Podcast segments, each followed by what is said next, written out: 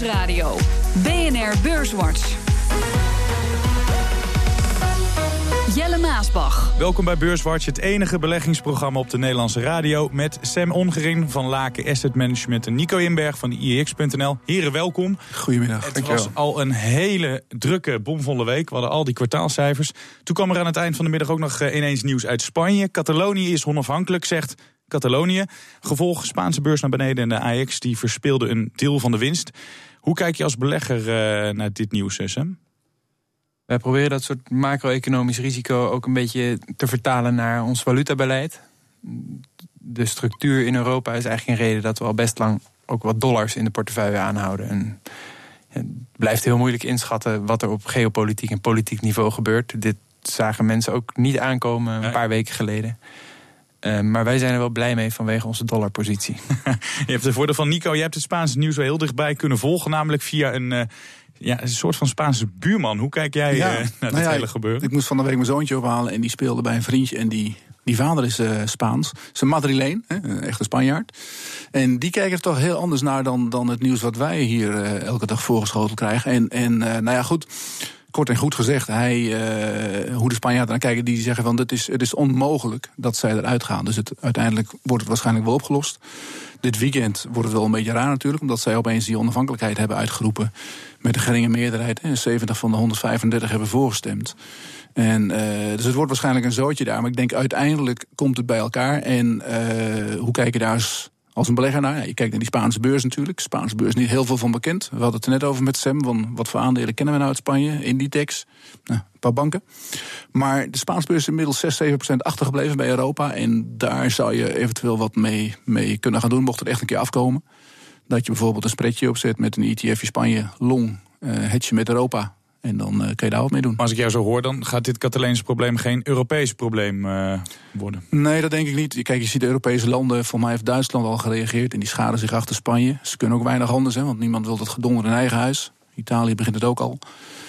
Uh, dus uiteindelijk, uh, ik weet niet hoe, maar het zal uiteindelijk wel een, een keer bij elkaar komen. En er spelen heel veel uh, dingen op de achtergrond. De politiek in Spanje, ja, corrupte politici.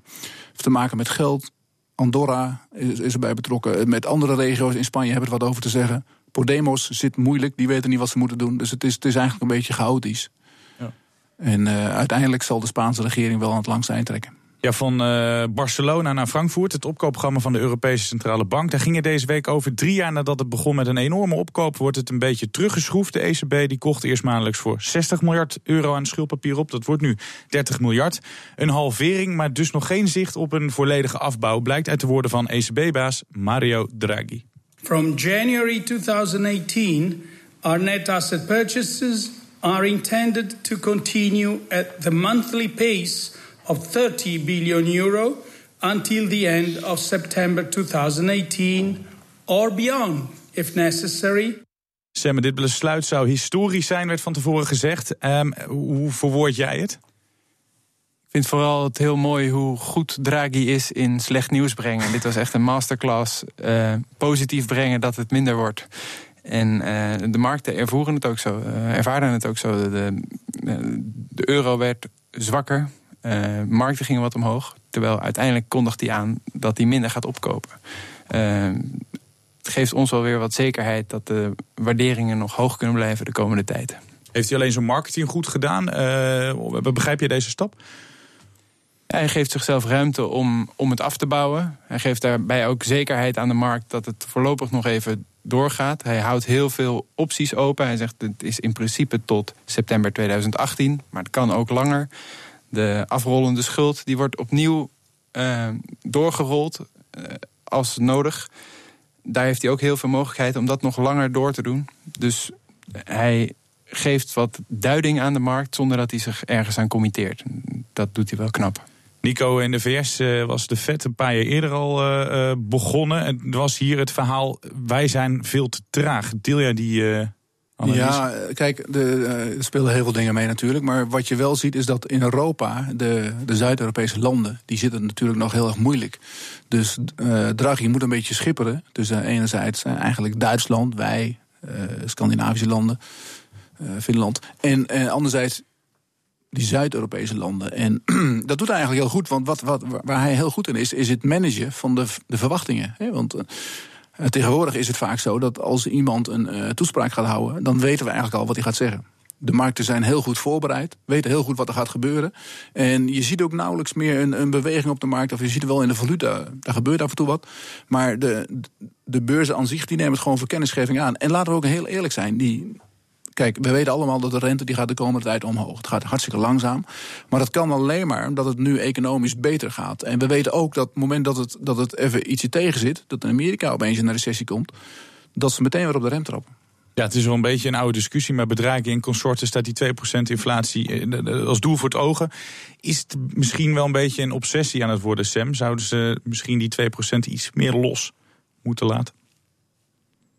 Daar zou je voor kunnen beargumenteren. Ja, er zijn heel veel structurele factoren, waaronder een van de grote is de uh, vergrijzing van de samenleving, waardoor je toch kan verwachten dat die inflatie niet zo hoog is op langere termijn. En er wordt wel heel erg krampachtig aan vastgehouden, naar mijn mening.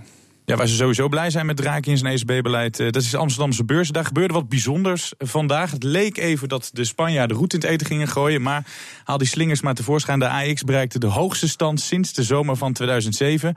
U weet het vast nog wel, daarna zakte de index eh, als een pudding in elkaar, maar dus net iets onder die 550 punten gesloten. Eh, op 29 juni 2007 stond die index net iets bij, boven de 548 punten. Het is een beetje uh, op dat cijfers uh, fixeren. Maar is het een uh, leuk gegeven, Nico? Of kijk je er ook echt jawel, serieus Jawel, ik kijk er wel naar. vorige week waren we dichtbij. Hè? Dan had ik ook geschreven van, nou, we gaan naar die 550. De eerste poging mislukt. En toen gingen we even 10 punten terug eigenlijk. We hebben 540 gezien gisteravond, of eergisteravond zelfs nog. In, in Amerika ging het er vandaag.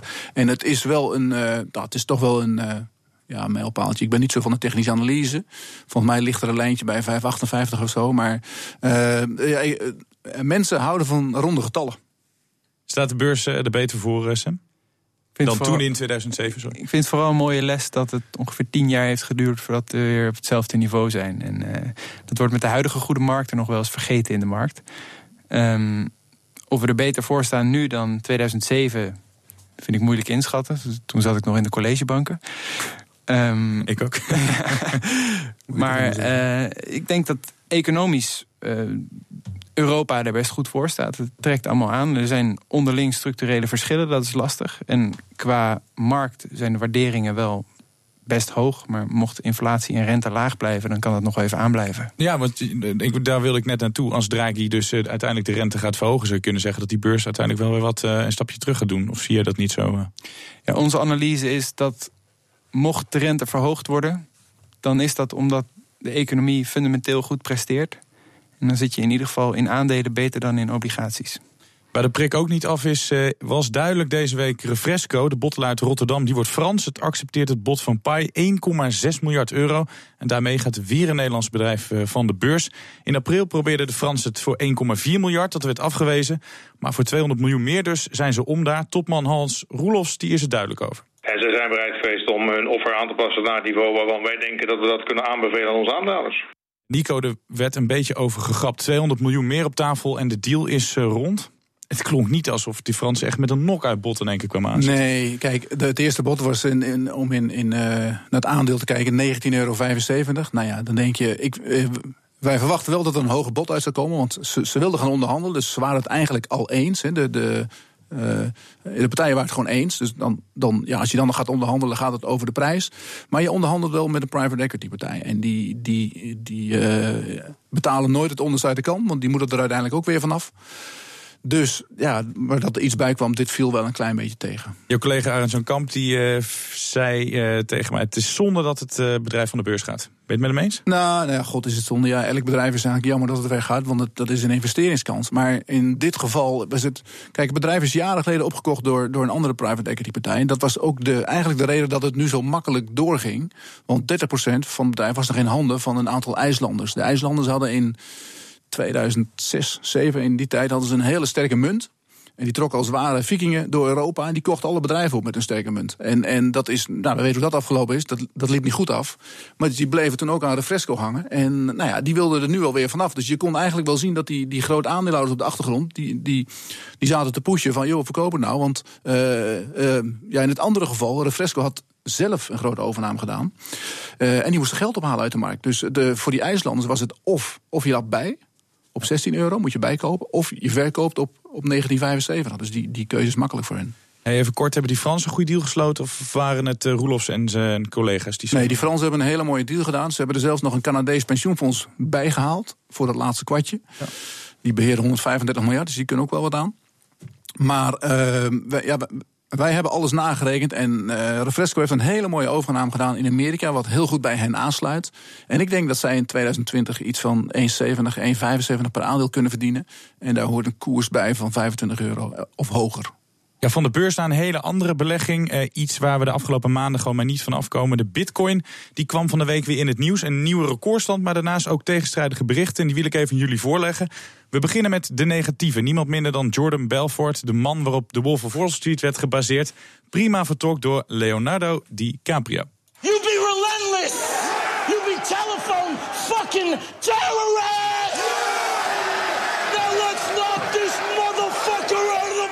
Dus samen met uw gezin zitten eten en dit staat op uh, excuses. Uh, veroordeelde crimineel, maar hij zegt oplichterij...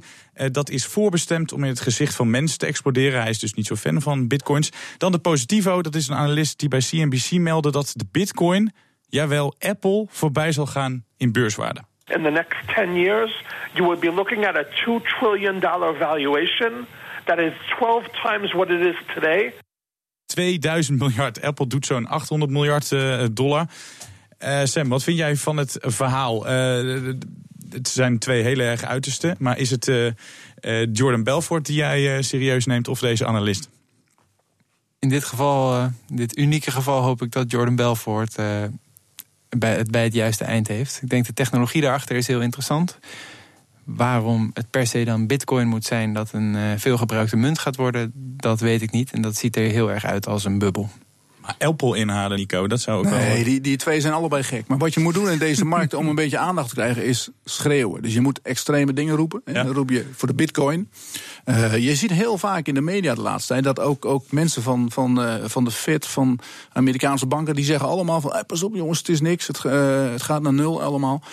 Maar je ziet het ondertussen gewoon doorgaan. En ik ben het helemaal met Sam eens. Ze zijn volgens mij moet je die twee dingen uit elkaar halen. De bitcoin en de technologie erachter. En die technologie die gaat straks door iedereen gebruikt worden. We hadden van de week een vastgoedfonds wat ermee bezig is. Uh, de verzekeringsmaatschappijen gaan ermee aan de slag. Dus die, die technologie is here to stay. Maar de bitcoin, ja, dat is nu een beetje... omdat het omhoog gaat, wil men het. Philips, Heineken, Arcades, KPN, Wolters Kluwer, Randstad, maar ook Google en Amazon. Ja, wat eigenlijk niet. Heel veel kwartaalcijfers zometeen in het vervolg straks van Beurswatch. BNR Nieuwsradio. BNR Beurswatch. We gaan het hebben over alle Nederlandse bedrijven die de boeken openden deze week. En over deze lach. What's not to love? You order the groceries online and we deliver them to your door. Van wie die aanstekelijke lach is, dat hoort u zo. Onze eigen lachenbekjes die zijn er ook nog steeds. Sam Ongering van Laken Asset Management en Nico Inberg van IEX.nl. Maar eerst nog even een eh, korte stand van zaken. De AEX die sloot net ietsjes onder de 550 punten. Een weekplus van 0,3 procent. Stijgers. Op weekbasis de drie aandelen die het sterkst stegen. Gemalto aan kop, 6,7% erbij. ASML ruim 3% en Unilever bijna 3%. Het midcap aandeel dat het beste presteerde deze week was Arcadis met een plus van 9%. Dalers. Dalers. Dalers. Altis 3,3% ervan af. ArcelorMittal volgt met een verlies van zo'n 2% en KPN ruim een procent lager. In de midcap waren de grootste daders, was de grootste dader deze week moet ik zeggen. Air France KLM, dat ging 3,5% naar beneden. Sam, Heineken, Randstad, Wolters Kluwer, KPN, Arcades, Philips, Gemalto. Daar ben ik er gewoon nog een paar vergeten. Dat waren zo'n beetje de belangrijkste Nederlandse bedrijven. Maar wat eh, is het bedrijf voor jou dat er uh, uitsprong deze week? Um, ik vond eigenlijk de cijfers van Unibail Rodamco erg mooi. De grote vastgoedeigenaar in Frankrijk genoteerd. Die hadden goede huurinkomstenstijgingen. Maar wat ik ook prettig vond om te lezen is dat de traffic in de winkelcentra ook met uh, bijna 2% was toegenomen. En de verkopen van de winkels in de winkelcentra ook bijna 5%. En dat is nog wel eens een ding geweest. Uh... Er is in de markt heel veel zorgen om dat e-commerce alle business van de, van de winkelcentra afpakt. Misschien terechte zorgen als we zo nog over Amazon komen te praten. Uh, maar dit gaf weer wat fiducie dat uh, het met die winkelcentra helemaal in het hoge end goed gaat. En verwacht je dat die trend uh, nu doortrekt? Het is moeilijk te zeggen. Ik denk dat e-commerce nog wel wat aan marktaandeel kan winnen. Maar Unibuy heeft hele mooie vastgoed op hele mooie locaties. Ik denk als er iets blijft staan, dan is het, zijn het hun winkelcentra. Nico, wat was jouw favoriet deze week? Uh, favoriet. nee, wat, de, er waren deze week een paar leuke buitenaandelen die met, met cijfers kwamen. Farming, uh, die maakte de verwachtingen meer dan waar. Het was echt een verrassing. De, de omzetten, die hebben de eigen, eigen verkooprechten hebben ze weer teruggekocht voor de Amerikaanse markt. En dat gaat nu echt als een, uh, als een raket. Ze hebben een concurrent die in moeilijkheden zit en daar maken ze gebruik van. En wat ook heel erg leuk was, en dat is wel meer voor de wat, wat avontuurlijke beleggers, Ablings in België je wordt vaak het nieuwe Galapagos genoemd. Die hebben een IPO gedaan in Amerika. Dus net als uh, Galapagos vroeger aandelen geplaatst in Amerika. En dat was echt een uh, spot-on. Die werden geplaatst tegen, ik geloof, 17,5 dollar. En die gingen gelijk uh, eh, 20% omhoog de volgende Zo. dag. Dat is, uh, of ze zijn te goedkoop gegaan? Of, uh... Ja, de, de, onder Amerikanen is er toch wel veel interesse voor, voor een goede biotech-aandelen. En ik ben blij dat jij oplet, want Galapagos inderdaad was ook nog zo'n fonds dat met de cijfers kwam. Die deden het, zag ik volgens mij wel goed. Werd ook ja, maar die, die, hebben helemaal geen cijfers. Die, wat hebben die voor omzet? En de resultaten. Van 70 miljoen. Iedereen kijkt naar hoeveel geld er in kas zit. Nou, dat is nu 1,2 miljard. Het bedrijf is 4 miljard waard, geloof ik. Dus uh, die, die hebben een goede, een goede pijplijn hebben ze. Met, met, met uh, ja, producten die eraan zitten te komen. En ze hebben heel veel cash. Hè. Dat is, ze zeggen wel eens: het verdienmodel van een biotech-aandeel is geld ophalen. En dat doen ze heel goed. Ja, Heineken was ook zo'n bedrijf dat met de cijfers kwam. Kreeg de handen niet bepaald op elkaar. En dan zeg ik het nog als een understatement. Nadat het de cijfers bekend maakte. Meer bier, biervolume, meer winst. Maar Europa blijft echt het zorgenkindje daar. Sam, snapte jij de afstraffing van het aandeel? Uh, ja, het is geen geringe waardering. Dus dat helpt niet als je niet perfecte earnings laat zien. Een min 2,8 volume daling in Europa is best fors. Wij kijken eigenlijk vaak naar Heineken voor een. Ja, omdat het ook een interessant aandeel is om via ontwikkelde markten. Uh, emerging market exposure in de portefeuille te krijgen. Dus ze hebben nu 40% van de omzet uit Latijns-Amerika, Azië China, uh, en uh, Oost-Europa, Afrika. Dat vind ik wel een interessant component aan Heineken op het moment. Ja, en je zou kunnen zeggen, het heeft misschien ook uh, de vergelijking is te trekken met, uh, met, met Unilever. Dat is ook best hoog gewaardeerd. Die cijfers die vielen tegen. En toen werden ze ook uit mijn hoofd bijna 6% lager gezet. Die waardering die speelt heel erg mee uh, bij dit soort bedrijven, Nico? Ja, jawel. Unilever was heel erg hard opgelopen. Uh, er, kwam, destijds een bod van, van uh, Buffett. Hè. Dat ging uiteindelijk niet door. Toen stond de 47. Is het op eigen kracht doorgelopen naar de 52. En nu zijn, zijn we weer terug. Maar Unilever is, is uh, trouwens vergelijkbaar met Heineken. Want Unilever is ook heel goed in, in emerging markets. Dat is ook een aandeel. Mocht je daar iets willen doen, dan, dan is Unilever echt een leuk bedrijf. Maar bij Heineken, ja, die, die, die zomer, daar kunnen zij natuurlijk niet zoveel aan doen. Als het hier slecht weer is, ja, dan drink ik geen bier kennelijk. En geen ijs. Ik eet geen ijs. Maar dat ja, komt, de, de, dat de Ben. Jerry's en de, en de Magnums werden minder verkocht Ja, Unilever. En Doet ook al geen WK volgend jaar, dus dat wordt ook weer niks. Ja. Maar uh, het gaat wel door. Bij Heineken had je ook nog een beetje, er zat nog een effect in, omdat uh, anderhalf maand geleden heeft de grote aandeelhouder in Mexico heeft een hele, hele pluk verkocht op 84 euro. En dat, dat, dat weegt ook nog een beetje na in de markt. Dus de, ja, het ligt even niet zo goed. Dan is een ander bekend Nederlands bedrijf, Randstad, ging ook behoorlijk naar beneden. Meer dan 5% ging er van de koers af van de week. Nog even die cijfers op een rij. De omzet ging in het derde kwartaal met 10% omhoog, maar de winst zakte terug, mede door investeringen. Er moest geld naar bijvoorbeeld Monster, vertelde CFO Robert-Jan van de Kraats op BNR. Dat brengt reorganisatiekosten met zich mee in dit kwartaal, maar ook in de twee komende kwartalen. En die, ja, die zijn dus uh, eenmalig. Ja, eerder zei uh, Jos Versteeg van uh, Insinger Gillis, hier ook wel eens uh, bij Beurswatch, Sam. Beleggers vinden het aandeel misschien te hoog gewaardeerd. Misschien dat ze daarom verkopen. Die snapte de daling niet helemaal. Ik las ook andere analyses dat heel veel mensen het niet helemaal begrepen. Dat Randstad zo werd afgestraft. Hoe Ja. kijk jij daarnaar? Onderliggend die omzetgroei van, van ruim 10% Volgens mij was het 9% Als je corrigeert voor minder werkdagen in te- Q3 dan Q2. Eh, die is eigenlijk heel indrukwekkend. En, uh, dit kwam voornamelijk uit Frankrijk. Ik vond het heel opvallend dat in Frankrijk groeide ze 14%, in Nederland nauwelijks, in de VS ook nauwelijks. Je ziet toch wel dat het een heel vroeg cyclisch aandeel is. En Frankrijk trekt de economie wat harder aan dan in die andere twee economieën. Dat zie je heel erg. Dus als je wat cyclische exposure in de portefeuille wil, dan is Randstad een aardige naam. Maar als je denkt dat we al verder in de economische cyclus zitten, dan niet. Wat ik het meest gekke vond aan dit aandeel is dat het dit jaar nauwelijks is opgelopen. Volgens mij iets van 2% maar uh, dit jaar.